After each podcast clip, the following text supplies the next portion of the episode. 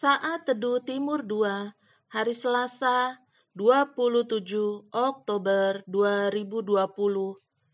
Menjaga api tidak padam. Ibrani 10 ayat 25.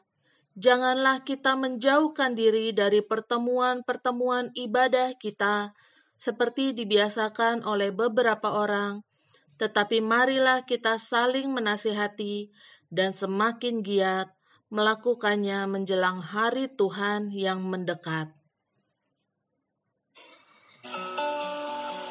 Seorang pria yang biasanya secara teratur dan rajin menghadiri pertemuan ibadah keluarga, tiba-tiba tanpa memberitahukan apa pun, mendadak berhenti berpartisipasi pada kelompok komunitas tersebut. Setelah beberapa minggu berlalu, pada suatu malam yang sangat dingin, ketua dari kelompok keluarga tersebut memutuskan untuk mengunjunginya. Dia menemukan pria itu di rumah sendirian, duduk di depan perapian api yang menyala. Pria tersebut menyambut sang ketua. Beberapa saat berlalu, hanya ada keheningan di antara mereka. Kedua pria itu hanya duduk diam menyaksikan nyala api menari-nari di sekitar batang kayu yang berderak-derak di perapian.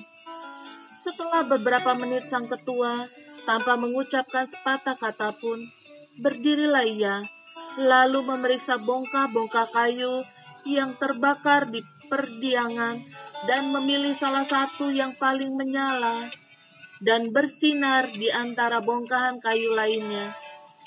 Kemudian dengan menggunakan penjepit, dia memindahkannya ke samping perapian. Lalu ia duduk kembali. Tuan rumah hanya duduk diam sambil memperhatikan semuanya dengan tertarik. Tak lama kemudian, nyala api dari kayu yang disisihkan itu meredup dan lambat laun padam. Dalam waktu singkat, apa yang sebelumnya begitu terang dan panas berubah menjadi sepotong kayu mati, hitam dan tidak menarik.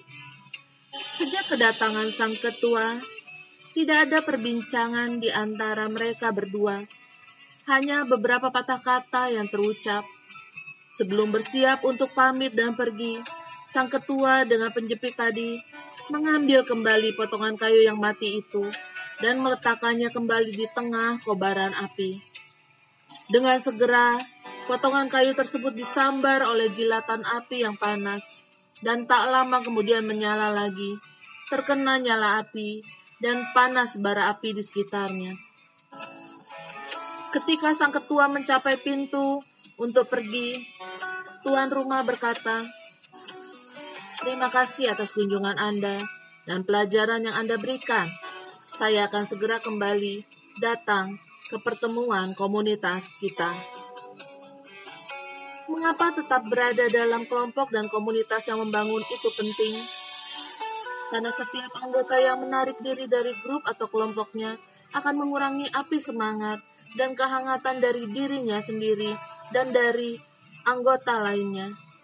Setiap anggota adalah bagian dari nyala api itu, serta baik juga untuk mengingatkan diri kita sendiri bahwa kita semua bertanggung jawab untuk menjaga api tetap menyala.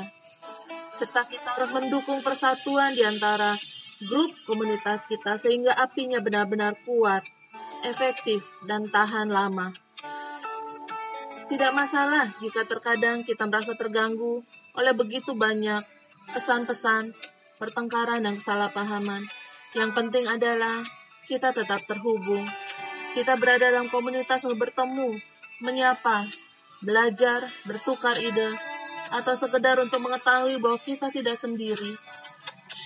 Yang terpenting berada dalam komunitas yang baik dan tepat akan membuat kita bertumbuh dan berkembang, bahkan belajar menjadi semakin seperti Kristus. Saudaraku, selamat beraktivitas hari ini. Tuhan Yesus memberkati.